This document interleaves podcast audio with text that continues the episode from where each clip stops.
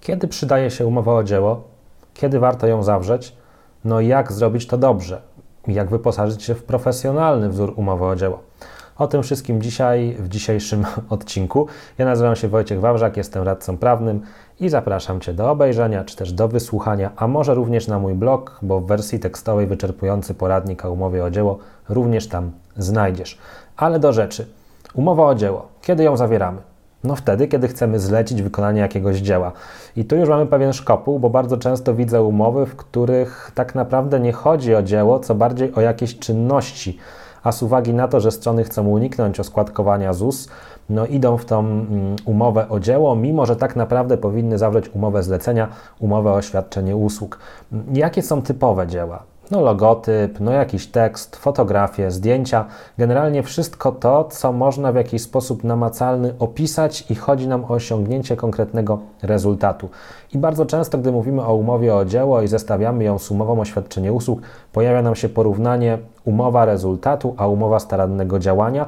I faktycznie tak jest, bo umowa o dzieło to właśnie umowa rezultatu, czyli zamawiając określone dzieło, zależy nam na osiągnięciu konkretnego rezultatu. Samo wykonywanie czynności nas nie interesuje. Natomiast w przypadku umowy zlecenia, umowy o świadczenie usług, tutaj właśnie bardziej poruszamy się w rejonie jakichś czynności. Czyli na przykład, jeżeli po, po, zamawiamy wykonywanie tekstów, jeżeli zamawiamy obsługę konta w social media, no to właśnie bardziej jest umowa o świadczenie usług. Jeżeli natomiast zamawiamy napisanie jednego artykułu albo pięciu artykułów, no to jest to umowa o dzieło. I w każdej umowie o dzieło to dzieło powinno być bardzo dokładnie opisane możliwie precyzyjnie, najlepiej przez jakąś specyfikację stanowiącą załącznik do umowy, żeby w przyszłości nie było wątpliwości, co miało być wykonane. A jeżeli powstanie spór co do tego, czy dzieło zostało właściwie wykonane, to dzięki takiej specyfikacji będziemy bardzo łatwo w stanie odkodować co miało zostać wykonane, co zostało, porównujemy to i mamy wynik, czy zostało to właściwie,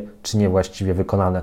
Zatem zawsze w umowie o dzieło, po pierwsze, skup się na precyzyjnym opisie dzieła, nie posiłkuj się tutaj jakimiś takimi banalnymi zwrotami typu wykona dzieło polegające na jedno zdanie i koniec. Warto jakąś specyfikację uczynić, bo to często jest tak, że mamy konkretne oczekiwania i warto te oczekiwania w umowie wprost sprecyzować. Gdy mamy to dzieło, czyli to, co mamy wykonać, to fajnie oczywiście też w umowie o dzieło byłoby opisać, w jaki sposób to zostanie wykonane. Czy są jakieś etapy pracy nad dziełem, może jakiś harmonogram, który będzie stanowić załącznik do umowy, czy będą konieczne jakieś akceptacje w trakcie, jaki będzie czas na te akceptacje. Co w sytuacji, w której druga strona nie będzie czegoś akceptowała bądź nie będzie się odzywać? Czy możemy przyjąć to jako milczącą akceptację, czy musimy wezwać do podjęcia jakiegoś współdziałania? Profesjonalna umowa o dzieło powinna właśnie takie sytuacje mm, regulować, powinna właśnie unikać tych problemów, które mogą powstać, gdyby to współdziałanie przy dziele było niewłaściwe, niewystarczające. No i kolejna kwestia, która często pojawia się przy umowie o dzieło, to sposób wydania tego dzieła. Czy to będą wydane pliki źródłowe, czy to będą pliki finalne. Zawsze warto to w umowie doprecyzować, bo z doświadczenia wiem, że potem strony się wadzą co do tego, czy mają prawo do plików finalnych, czy mają prawo również do plików źródłowych. Warto to wprost w umowie przewidzieć. No i z tymi plikami często wiąże się temat praw autorskich. W branży kreatywnej te zamawiane dzieła to najczęściej utwory w rozumieniu prawa autorskiego. Teksty, grafiki, zdjęcia, logotypy, wszystko to potencjalnie może być właśnie utworem. I jeżeli zamawiający chce z takiego utworu korzystać, to nie wystarczy, że będzie miał tylko umowę o dzieło. W tej umowie o dzieło powinny się znaleźć również postanowienia w zakresie przeniesienia praw autorskich bądź udzielenia licencji. No i oczywiście tu nam wchodzą w grę pole eksploatacji, czas ewentualny trwania licencji, związane postanowienia dotyczące praw osobistych czy praw zależnych, wszystko to, co jest kluczowe i istotne właśnie dla tych umów prawno-autorskich, o których też wielokrotnie e, opowiadałem i odsyłam do innych materiałów, nie chcę tego wywodu przedłużać. Zatem mamy sprecyzowanie dzieła, mamy sprecyzowanie zasad wykonania dzieła, mamy również kwestie związane z prawami autorskimi, zostaje nam oczywiście jeszcze kwestia wynagrodzenia, no bo przecież wszyscy pracujemy po to, żeby zarabiać i to wynagrodzenie w różny sposób może zostać potraktowane. Może być to wynagrodzenie jednorazowe, może być to wynagrodzenie w ratach, może być to jakaś zaliczka, jakiś zadatek. A czasem może być jeszcze bardziej skombinowany model, na przykład jednorazowe wynagrodzenie za wykonanie dzieła i jakaś prowizja od sprzedaży dalszego utworu, czyli takie powiedzmy tantiemy prawne autorskie.